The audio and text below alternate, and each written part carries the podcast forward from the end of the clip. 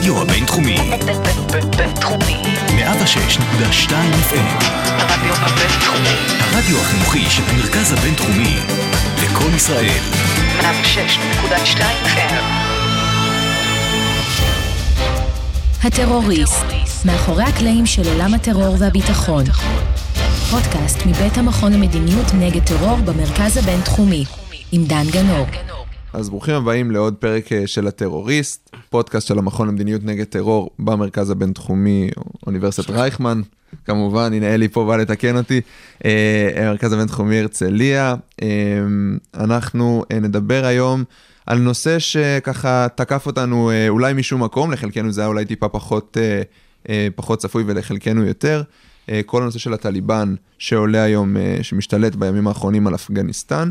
ואיתנו נמצאים דוקטור אלי כרמון, חוקר בכיר במכון למדיניות נגד טרור, ועמית מחקר בכיר במכון למדיניות ואסטרטגיה, אה, כאן אצלנו בבינתחומי, מרצה על טרור וגרילה בעידן המודרני, אה, תואר ראשון באנגלית ותרבות צרפתית מהאוניברסיטה העברית בירושלים, תואר שני ודוקטורט במדעי המדינה מאוניברסיטת חיפה, אה, ואיתנו גם דוקטור מיכאל ברק, חוקר בכיר במכון למדיניות נגד טרור, מרצה כאן אצלנו בבינתחומי, וחוקר בכיר במרכז משה דיין לחקר המזרח התיכון ואפריקה.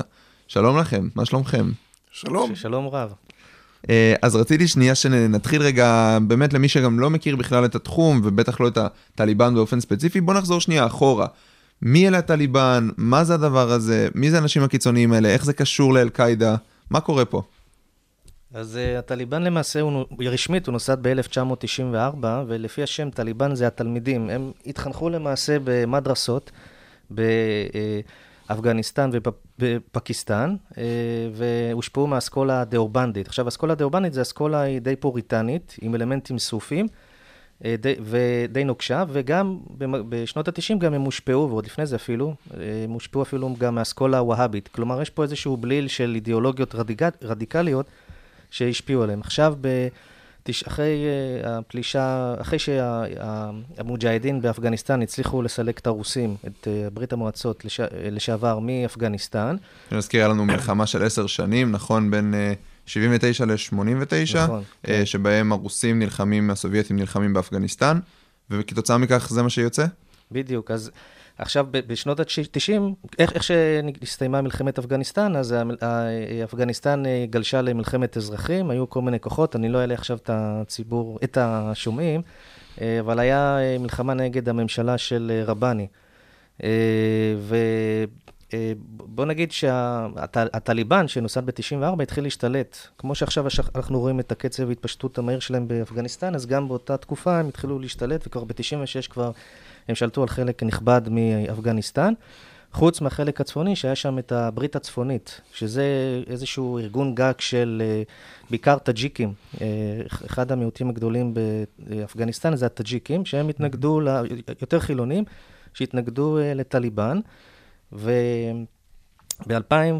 כבר האמריקאים כבר העיפו את הטליבן מ- מהכוח שלהם. חשוב להגיד, אחרי פיגועי התאומים, אה, וכל הסיפור של אל-קאעידה בעצם, נכון? שצמח שם. כן, צריך אבל לציין כמה נתונים חשובים מאוד. הטליבן למעשה זה גוף קטן באותה תקופה, כ-4,000-5,000 לוחמים.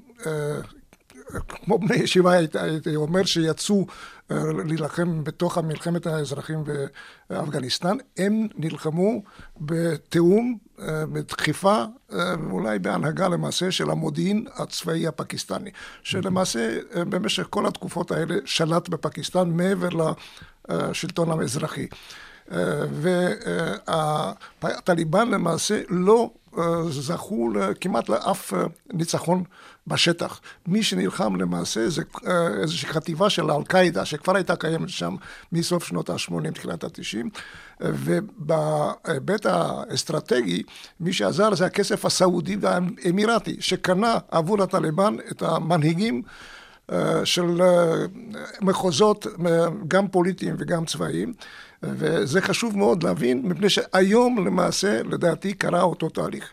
זאת אומרת, פקיסטן מאחורי הטליבן, שהוא ברית של הרבה כוחות שבטיים, שלא תמיד אה, פועלים יחד אה, בצורה מתואמת. פקיסטן נתן להם את העורף, אה, גם הטריטוריאלי, גם הפוליטי וגם המבצעי, וכסף שכרגע לא ברור מאיפה בא הכסף, אמרתי בזמנו סעודי ואמירתי. אה, וקצת אמריקאי, אבל לא לטליבן ספציפית. כן, זאת אומרת, האמריקאים, הם, הם חיזקו אותם כדי להילחם בסובייטים. הם, לא, לא, הם לא, הם לא נלחמו בסובייטים. הם לא היו קיימים כשהיו סובייטים. אבל באותה תקופה זה היה חוסר בהירות בתוך אפגניסטן, מה בדיוק הכוחות השולטים. ומאחר והאמריקאים היו שותפים לפקיסטנים בסופו של דבר, אפשר להגיד שהאמריקאים אפשרו לפקיסטנים לחזק את הטליבן. הם לא נלחמו נגד זה, מה עוד שערב הסעודית הייתה מעורבת. התהליך שקרה בשנים האחרונות, לדעתי זה אותו תהליך uh, דומה. למה הם זכו ככה בניצחונות תוך כמה שבועות, אפילו פחות? זה בגלל שהאמריקאים יצאו, וזה היה ברור שיש ואקום. ודבר שני, שהם כנראה קנו חלק מהמושלים בחלק מכוחות ה-warlords, אלה ששולטים בכוחות השבטיים הצבאיים, mm-hmm, כן. וככה הגיעו לכבול. אז בואו נדבר רגע על הדבר הראשון שאמרת, על האמריקאים. אז איך הם הגיעו לשם? אה, גם בהקשר של אה, פיגועי תאומים, ומה בעצם קרה שם ב-20 שנה האחרונות? טוב, למעשה האמריקאים היו צריכים אה, למצוא תשובה על האיום של אל-קאעידה.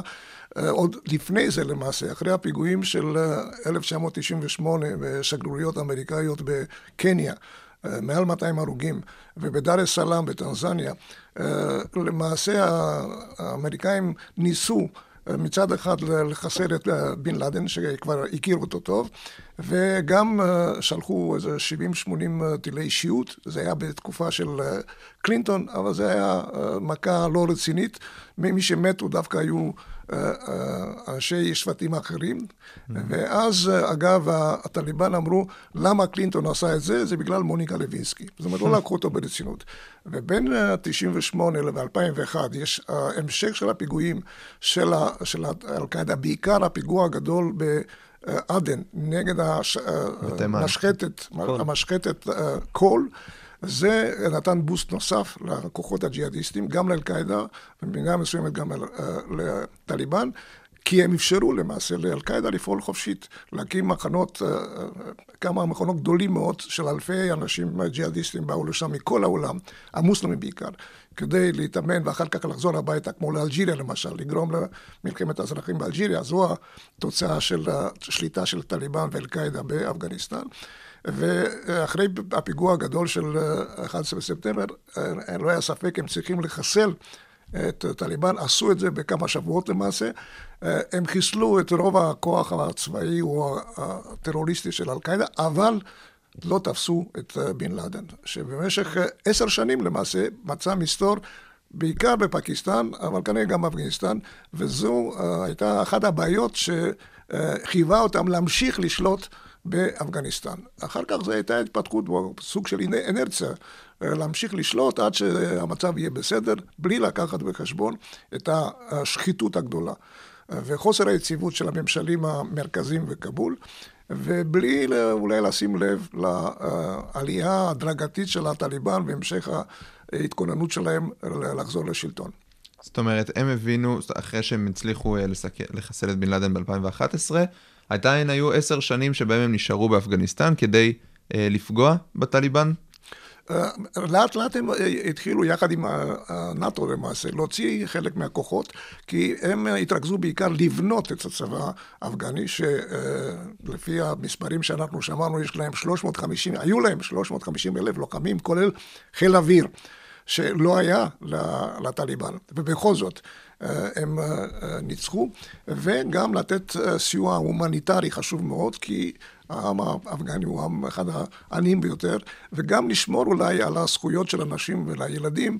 עם הילדות, שבמשך אה, תקופה ארוכה היה צריך לאט לאט לבנות את החופש הזה לאותן האוכלוסיות אה, מאוימות. זאת אומרת, אולי באיזשהו מקום אפילו להכניס דמוקרטיה לתוך המדינה הזאת המעורערת שבקריסה. כן, זה חלק מהחזון האמריקאי, להביא את הדמוקרטיה לעיראק לדוגמה, לאפגניסטן, אבל הניסיון הזה נכשל, וזה מה שאנחנו רואים גם בהצהרות של ביידן, בעקבות הנסיגה.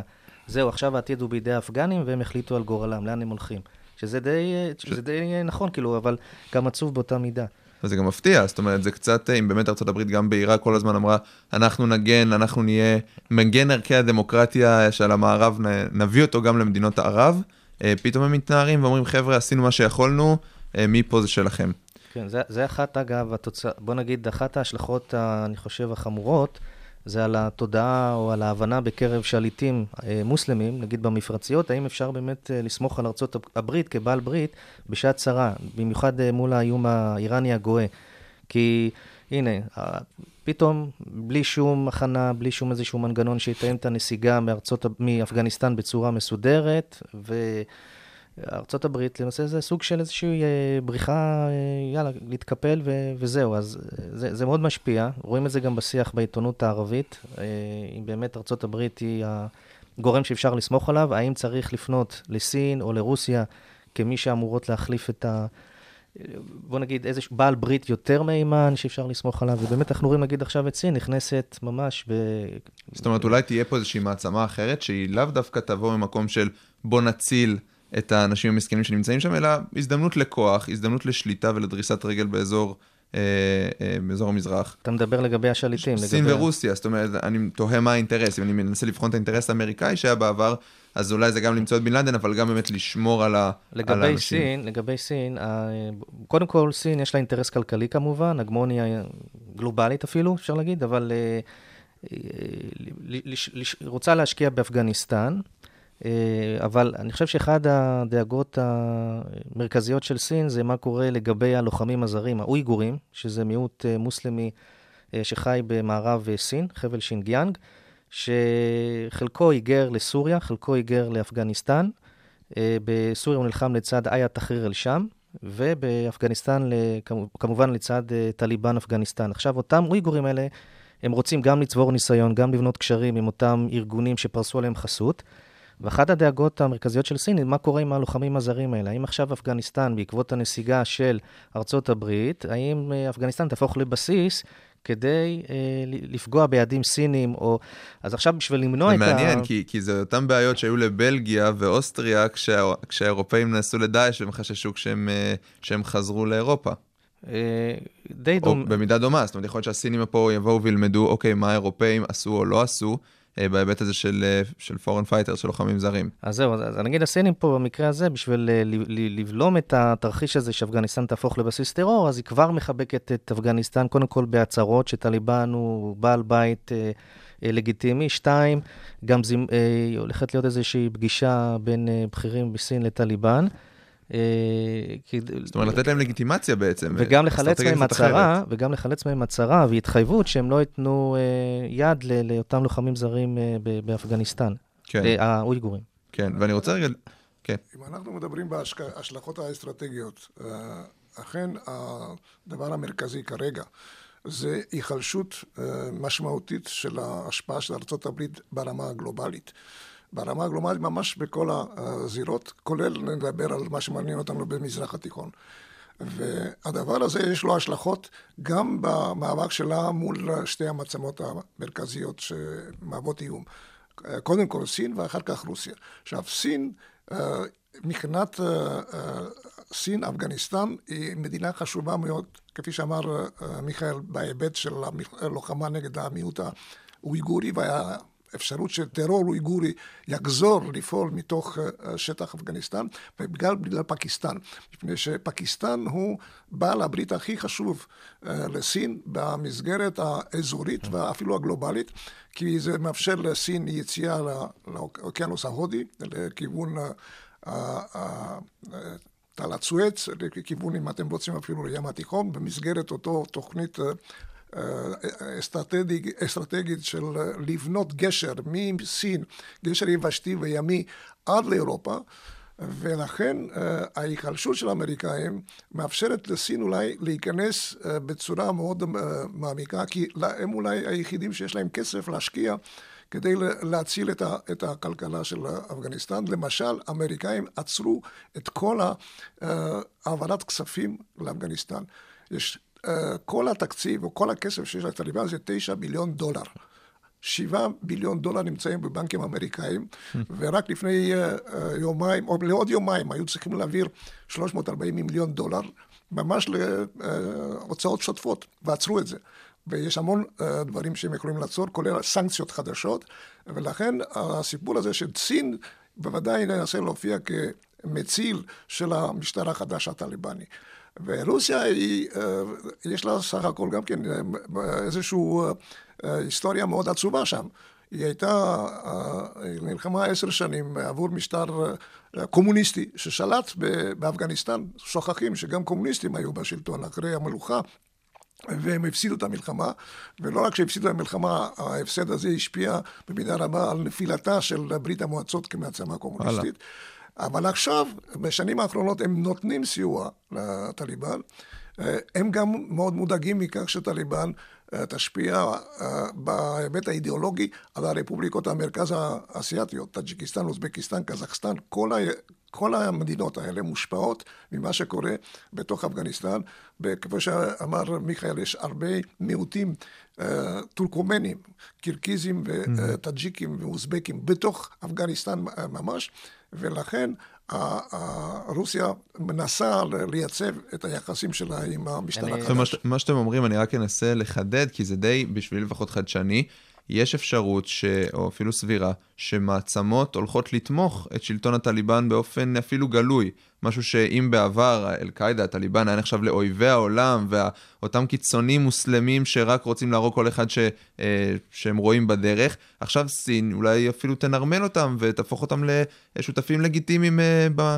בחברי העולם. נכון, בגלל זה צריך להיות עם יד על הדופק, לראות, כי עכשיו יש די ערפל באפגניסטן, לא יודעים באמת uh, מה המדיניות האמיתית של uh, טליבן, האם טליבן עכשיו הוא כזה במתקפת חיוכים, אנחנו ניסיון מיתוג מחדש. אם אנחנו עכשיו באמת מתמקדים רק בבנייה ושיקום של מדינה... כי ראיתי גם הצהרות של הטליבן, שאנחנו פתוחים לדיאלוג, אנחנו רוצים אה, להרגיע את החששות של המערב. וזה כדי גם לזכות בלגיטימציה בינלאומית, וגם כדי אה, שיהיה השקעות. כי אם חס וחלילה עכשיו, פתאום, כמו שעכשיו ביידן אה, סגר את הברז, אז אפגניסטן תשקע מהר מאוד לאסון, כבר אסון הומניטרי, אבל גם שקיעה כלכלית, וזה ישפיע על התדמית של טליבן בעיני האוכלוסייה האזרחית, שלא כל כך מסמפתת. את טליבן וחוששת. אמ-המ. אני רק רוצה להעיר לגבי רוסיה, להמשיך את הדברים של דוקטור אלי כרמון.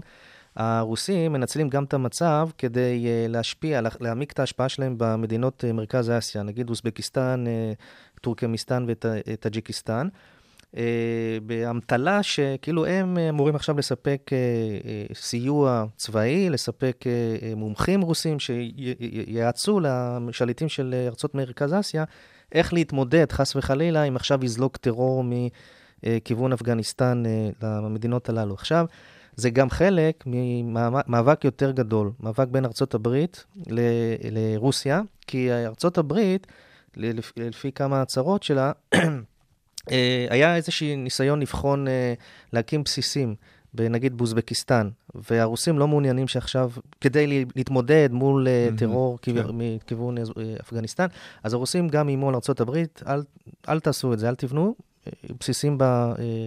במרחב הזה, כי זה איום עלינו, על הביטחון הלאומי, וגם על דרך החיזוק הקשרים עם מדינות מרכז אסיה, אז הם גם כן מנסים למנוע איזושהי התבססות אמריקאית באזור. זאת אומרת, זה הופך לעוד כלי במשחק הגדול הזה שיש... כן, זה משקה, יש גלי הדף. שיש... זה לא רק על הזירה האזורית, אלא כן, מעבר, בין המעצמות. צריך לציין שיש כבר ניצני התנגדות.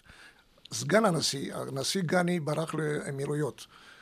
נשיא אפגניסטן ברח ועזב את עמו. קטר עזר לטליבן, אה, הם היו שם ב-10-15 שנה, ושם ניהלו את המשא ומתן. האמירויות שבזמנו נתנו, אמרתי, לכסף, הם כרגע נותנים דווקא לגני, לנשיא לשעבר. אבל הסגן שלו, שנשאר באפגניסטן, שהוא פועל בצפון, אה, באזור שנקרא פנג'יר, אה, הוא חזר, חבר לכוחות של מה שהיה פעם הברית הצפונית, אותם ארגונים טאג'יקים. בהנהגה של מישהו שקראו לו מסעוד, משפחת מסעוד ידועה מאוד, הוא היה מפקד הכוחות האלה.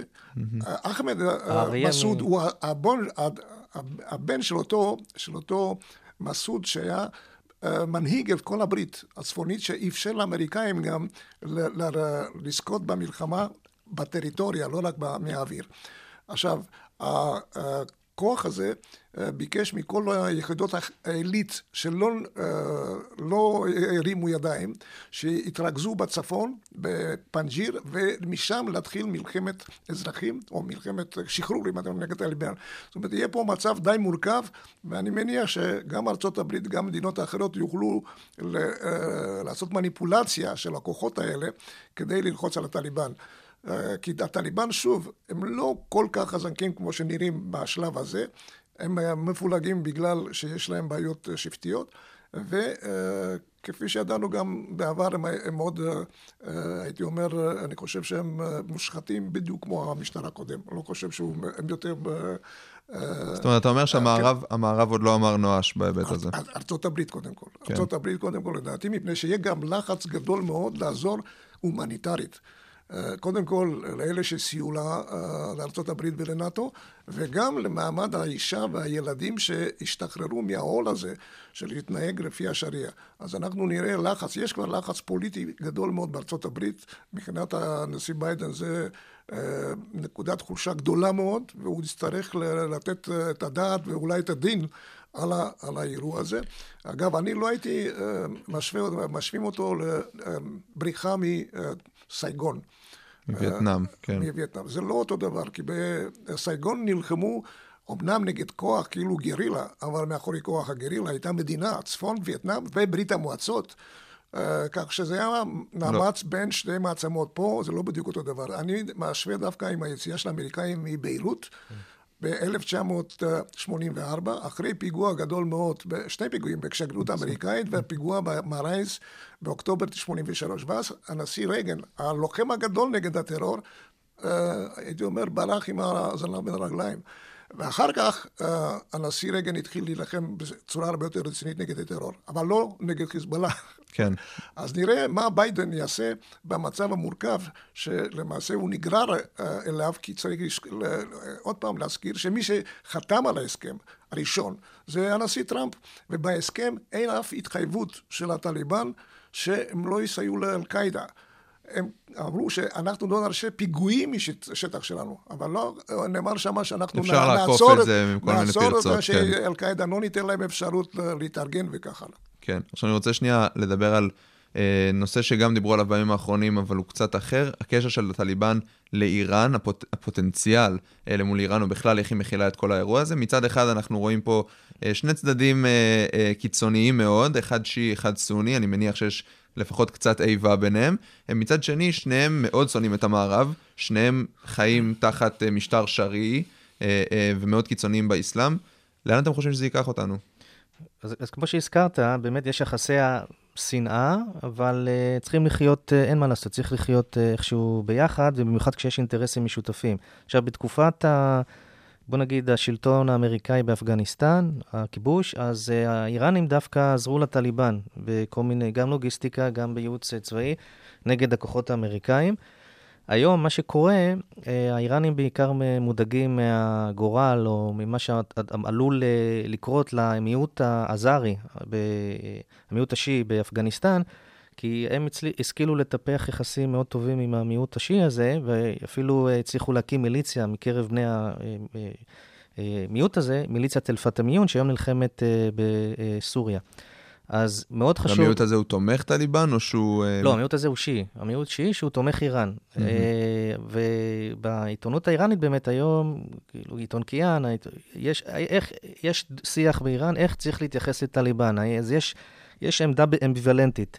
העמדה אחת שלא צריך אה, לתמוך בטליבן, כי זה ארגון חשוך שלא אוהד את השיעים. מצד שני, יש את השיח יותר רשמי.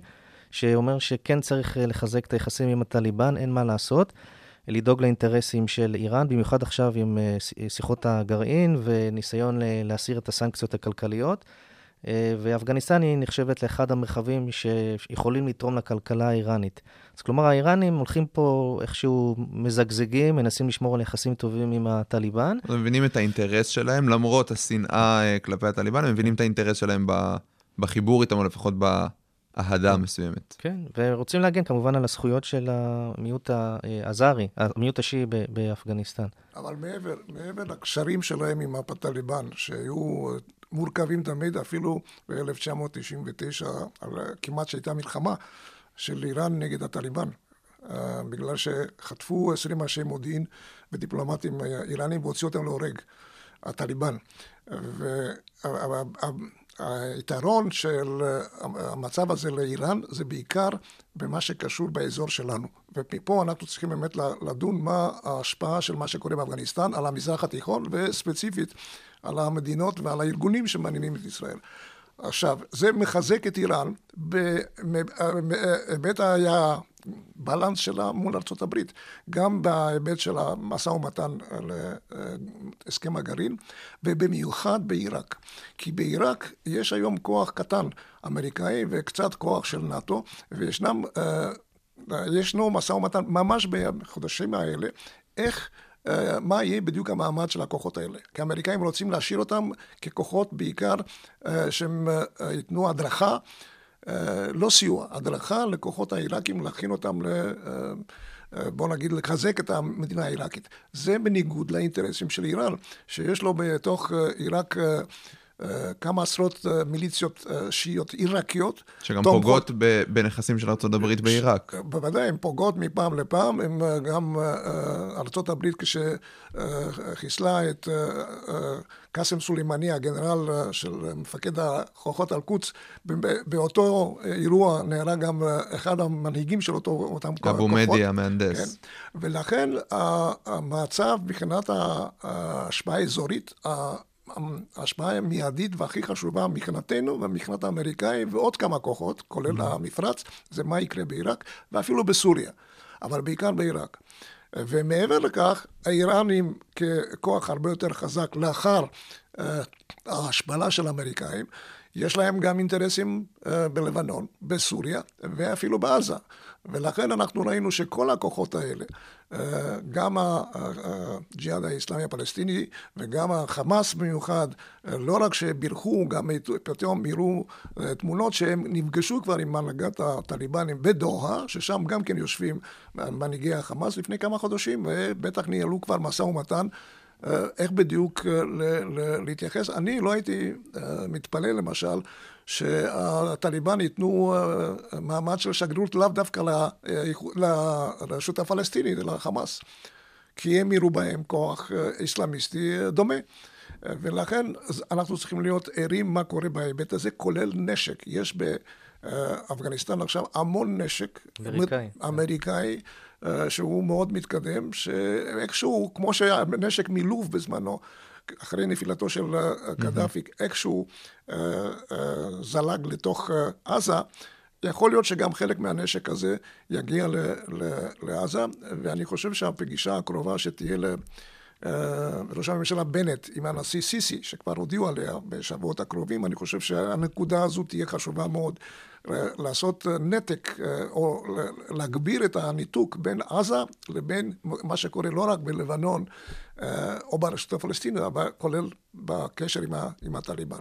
אז מה שאתה אומר בעצם זה שהקשר של הטליבן וחמאס, שאנחנו באמת רואים אותו נרקם עכשיו, הוא לאו דווקא אה, קשר אה, ישיר, אלא אפילו הוא בתמיכת איראן, הוא בתיווך של איראן, הוא בעצם כתוצאה מכך שאיראן תומכת בזה ותומכת בארגוני הטרור? לא, לא, זה דווקא לא קשור עם איראן. Mm-hmm. כי בהיבט הדתי, החמאס הרבה יותר קשור כארגון סוני, הרבה יותר אה, אה, קרוב לטליבן מאשר האיראנים. Mm-hmm. עם האיראנים יש הסכם ויש יחסים אסטרטגיים. שמפעם לפעם נפגעו, למשל כשהחמאס יצא סוריה מדמשק ב-2012, כשלא הסכימו לרצח הסונים על ידי משטר באשר אל-אסד.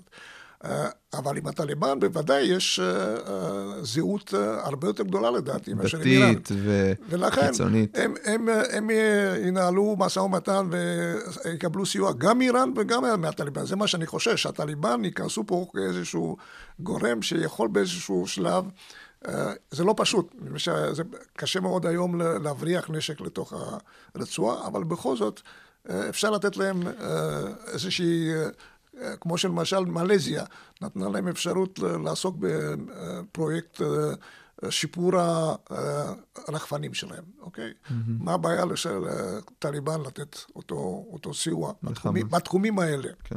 אפשר להוסיף, כן. יש עוד היבט שלא נתנו לו את הדעת.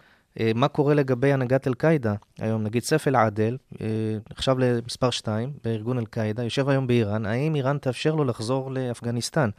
האם אותה הנהגה שברחה במהלך המלחמה נגד ארצות הברית, הנהגת אל-קאעידה תחזור לאפגניסטן, תשקם את הכוח שלה. כבר יש היום כבר איזה 300-400 פעילים, פעילי אל-קאעידה על אפגניסטן, אבל כנראה אה, שקרוב לוודאי, אותה הנהגה תחזור לאפגניסטן. חוץ מזה, יש עוד אה, כל השחרור בתי כלא, שעכשיו הטליבן הצליח אה, לפרוץ לבתי כלא ולשחרר, יש שם אה, גם פעילים של אל-קאעידה. בוא כן. נחדד שנייה את ההבדל הזה בין, או הדמיון, או השוני, אה, בין הטליבן ואל-קאעידה. זה אותו דבר, זה אותם מנהיגים. אז קודם כל, אל-קאעידה יש לו חזון גלובלי כמובן, זה הזרם, נמנה על הזרם הסלאפי הג'יהאדי, אה, כלומר להילחם נגד האויב. כמובן שיש הבדלים בתקופות מסוימות, כי אל-קאע- אל-קאעידה רוצה למעשה קודם כל לגרש את האויב, את, את הכוחות הזרים מפה, את האויב הרחוק שנמצא על אדמות אה, אה, האסלאם, נגיד ארצות הברית, צרפת, ממאלי אה, וכולי. ו- וכמובן גם להפיל את האויב הקרוב, שזה המשטרים המקומיים שמשתפים פעולה עם המערב, לדוגמה המשטר הסעודי, המשטר המצרי במיוחד, שהוא שנוא על איימן זווירי, כי הוא בעצמו ממוצא מצרי. אז יש תוכנית, וכמובן לטווח היותר רחוק אה, חליפות אסלאמית. עכשיו טליבן, מה ההבדל? טליבן מציג את עצמו כארגון שמצטמצם לגבולות הלאום האפגני. מה שמעניין אותו זה רווחת כביכול של האוכלוסייה האזרחית באפגניסטן, לא מעבר. ובאמת טליבן לא עשה איזשהו פיגוע אה, מחוץ, נגד, נגד נגד...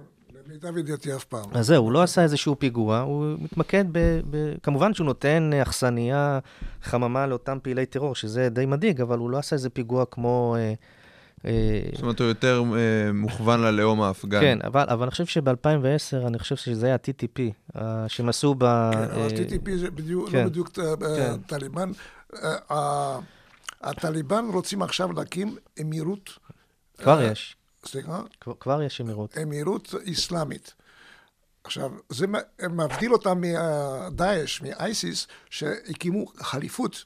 זאת אומרת, יש פה שתי תפיסות. התפיסה האפגנית היא לאומית יותר, בזמן שדאעש הקים כבר חליפות ועכשיו רוצה אולי עוד פעם להקים אותה, ואגב, הם חלק מהכוחות של דאעש אה, התבססו באפגניסטן בשלוש-ארבע שנים האחרונות.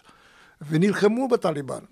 ואחרי איזה שהם אה, אה, כישלונות רציניים מאוד, בעיקר המון אוזבקים התגייסו לדאעש, מאות מהם נהרגו על ידי טליבן. זאת אומרת, שני ארגוני טרור מאוד חזקים, סונים. לא, לא, שוב, טליבן פעל בעיקר כארגון גרילה. לא כל כך כמו ארגון טרור, אוקיי? ארגון אה, אה, עובר חצי צבא, משהו היברידי יותר. דאעש פעל רק כארגון טרור, כולל באפגניסטן. כן. הם עשו פיגועים אה, גם נגד השיעים, גם נגד אה, המשטר המ- המרכזי וגם נגד טליבן. אה, ולכן היו תקופות, עד לפני שנתיים, שהדאעש השתלט על חלק מהאזורים, ואני חושב שזה היה בעיקר במזרח המדינה, על חשבון טליבן. לא ברור לי היום, ואני חושב שאף אחד לא יודע בדיוק, איך הכוחות האלה שורדים היום, ומה תהיה אה, היחס שלהם לטליבן בעתיד הקרוב מאוד. יש, יש, אני יכול להעיר שעכשיו אה, כשפרצו לבתי כלא ושחררו אסירים, אז טליבן הוציא להורג שני בכירים מדאעש. עכשיו, אתמול, בעיתון, בשבועון הרשמי של אה, דאעש, אל-נאבה, אז אה, הם כתבו מאמר מערכת, קראתי אותו, על ההתייחסות לאירועים עכשיו של אה, מה שקורה באפגניסטן. אז קודם כל, טליבן אומרים, איזה ניצחון, על איזה ניצחון אתם מדברים? אין פה שום ניצחון, זה לא ניצחון אלוהי. אתם למעשה ישבתם בבתי מלון, בדוחה, נהנ- נהניתם שם ממאכלים, אה, מחיזורים, אין פה שום ניצחון, זה לא ניצחון אה, כמו שאתם טוענים. ובכלל, אתם מפלרטטים עם עוד כל מיני גופים בכלל שהם לא איסלאמיסטים שרוצים להכיל את השריעה. אין פה שום ניצחון, ולמעשה הם מגדירים את טליבן אה, כ- אה, כאויב. כי זאת אומרת, אומרים, כמו שהתחלתי להגיד, שני ארגונים קיצוניים, סונים, אה, אה, עם אידיאולוגיה רדיקלית, אבל גם בינם לבין עצמם הם מתכתשים. נכון. כן, לא, זה ב- נלח- זה נלחמו במשך אה, ארבע-חמש שנים, כן. מאז שדאעש אה, הצליח לחדור לתוך אה, אפגניסטן, נלחמו בצורה אכזרית, הייתי אומר אפילו. עכשיו, מה שמעניין באידליב, בצפון סוריה, שזה מובלעת, שיש שם כמה עשרות אלפי אה, לוחמים ג'יהאדיסטים, בהנהגה פחות או יותר, או בשליטה יותר של חיית שעת תחריר אל-שם, שזה ארגון אה, סורי אה, ג'יהאדיסטי שלא רוצה להילחם מחוץ לסוריה, שמשתף פעולה עם טורקיה, יש כמה אלפי ג'יהאדיסטים ממרכז אסיה. יש צ'צ'נים, יש אויגורים, יש אוזבקים, ויש אה, קירקיזים ובוכרים אפילו. זאת אומרת, אלפי האנשים האלה יכולים לעבור לאפגניסטן ולהוות uh, גם uh, איזשהו איום על טליבן וגם על המדינות השכנות. זאת אומרת, על סין, האויגורים, על מרכז האסיה ועל הרוסים. זאת אומרת, אנחנו עוד לא יכולים לדעת בדיוק איך זה ישפיע uh, תמונת הטרור הבינלאומי או הגלובלי, כן. אבל זה ברור שישפיע. אני חושב ששאלה מעניינת uh, לסיכום, uh, באמת, אם אנחנו מסתכלים שנייה קדימה, יש פה באמת עדיין מתח שלפחות אני מזהה בהיבט של... זה ארגון אה, מוקצה, אה, דתי קיצוני, מצד שני מנסה להתחנחן למדינות העולם. איך זה היה לצורך העניין אה, ב-96 נגיד ש... שהוא שלט באפגניסטן? האם גם אז בודדו את אפגניסטן? האם עכשיו אנחנו צופים שדווקא תמיכה מרוסיה או תמיכה מסין ותמיכה מאיראן במדינות מעצמות כאלה ואחרות יכולות להכניס אותו טיפה יותר למעגל הלגיטימי?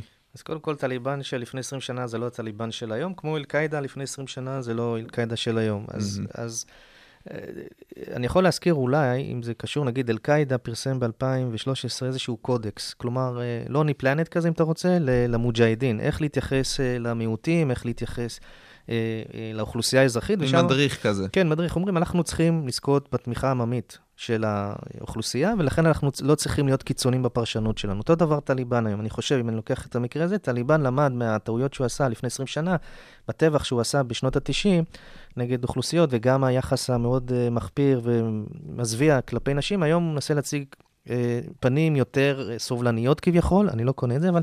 כי הוא צריך את הלגיטימציה הבינלאומית, וכמובן יש פה שחקנים שיש להם כל מיני אינטרסים משלהם, שגם מגבים את המדיניות של טליבן, הזכרנו את רוסיה, את סין, אז... אה, זאת אומרת, הם התפתחו במחשבה, הם הבינו יותר את החשיבות בעצם של לגיטימציה בינלאומית. נכון, כן. אם הם רוצים שאפגניסטן עכשיו תשגשג ותזכה להשקעות, כמו מה שקורה עכשיו שהסינים מתכוונים להשקיע באפגניסטן, אז הם חייבים להראות למראית עין לפחות תדמית כביכול סובלנית. אפילו אם השאירו את שר הכלכלה, נדמה לי, בשלטון, ואת uh, ראש עיריית uh, כבול בשלטון, אנחנו ממשיכים, אנחנו לא הולכים לשנות סדרי עולם, להפך, אנחנו רוצים... השקעות, ואנחנו לא הולכים אה, עכשיו לשנות פה סדרי עולם. כמובן שזה אה, טקטיקה, זה לא עכשיו... בערבון מוגבל. כן, כי יש, יש בכירים שאומרים, אנחנו נשארנו לאותה, האידיאולוגיה שלנו לא השתנתה, בכירים בטליבן שמדגישים את הנרטיב הזה, לא השתנתה, אבל... אה, מאחר והם קואליציה גם, אמרתי, גם שבטית וגם רעיונית וכל מיני גופים, אה, אין ספק שיש אה, בתוכם גם אה, הרבה יותר קיצוניים. אנחנו שומעים כבר עכשיו שבאזורים הכפריים שהם כבשו כבר לפני כמה שבועות, יש כבר חיסול חשבונות אכזרי מאוד. נשים כבר לא יוצאות מהבית, אפילו מפחד, לא צריך אפילו לתת הוראות. ואפילו בכבול התחילו כמה אירועים, כי למשל לא נתנו לגשת לשדה התעופה, אז האמריקאים מנסים ללחוץ עליהם. כדי לפחות בתחום הזה, כי זה גם כישלון אמריקאי, אם אנשים שתמכו אה, בשלטון שלהם לא יוכלו להתפנות. ככה שאני חושב שצריכים לחכות אה, כמה חודשים טובים, לראות לאן זה אה, נושב את הרוח ואיך זה יסתדר. כשאמרתי, יש כבר איזשהי ניסיון של הקמת קואליציה בצפון, ישנו דאעש שכבר יש לו יתד בתוך אפגניסטן. ויהיו כל מיני שירותי מודיעין שכולל למשל המפרציות. המפרציות אה, עד עכשיו הם נתמכו על ידי אה, הקטרים. הקטרים הכניסו המון uh, כסף. השאלה היא למשל, האם האמריקאים והמפרציות האחרות ילחצו על הקטרים, אתם תרגיעו את הטליבן, שלא יהיו יותר מדי קיצוניים. ואותו דבר האמירתים, שיש להם גם כן היסטוריה של קשרים מצוינים. Mm-hmm. Uh, אמירתים והסעודים היו היחידים שהכירו בטליבן באותה תקופה. וכתוצאה מכך אל-קאעידה לא עשה פיגועים בזמנה, לא עשה פיגועים נגד סעודיה. עד 2003, או כן, נובמבר 2003, כן. כשניסו להקים ארגון בתוך סעודיה, שלא פעל לפי ההנחיות של בן לאדן. זאת אומרת, שובו של הטליבן תופס אותנו במציאות גיאופוליטית קצת שונה, וזה יהיה מעניין, אני חושב. מאוד מעניין. מאוד מעניין. דוקטור מיכאל ברק, דוקטור אלי כרמון, תודה רבה שהצטרפתם אלינו היום. תודה, תודה לך. שבת שלום. שבת שלום. אז היום למדנו על הארגון החדש-ישן הזה שנקרא טליבן, זה שהשתלט על אפגניסטן בשבועות האחרונים והולך כנראה למרר את חיי האזרחים שם. למדנו על היחסים שלו עם איראן ועם חמאס, ההבדל שלו מאל-קאעידה ועל החשיבות שהוא נותן ללגיטימציה בינלאומית. יכול להיות שממש בקרוב נראה את רוסיה או סין תומכות בארגון הזה בגלוי ומכניסות אותו לסדר היום הציבורי. תודה רבה שהצטרפתם לעוד פרק של הטרוריסט, אני הייתי דן גנור, ונתראה בפעם הבאה.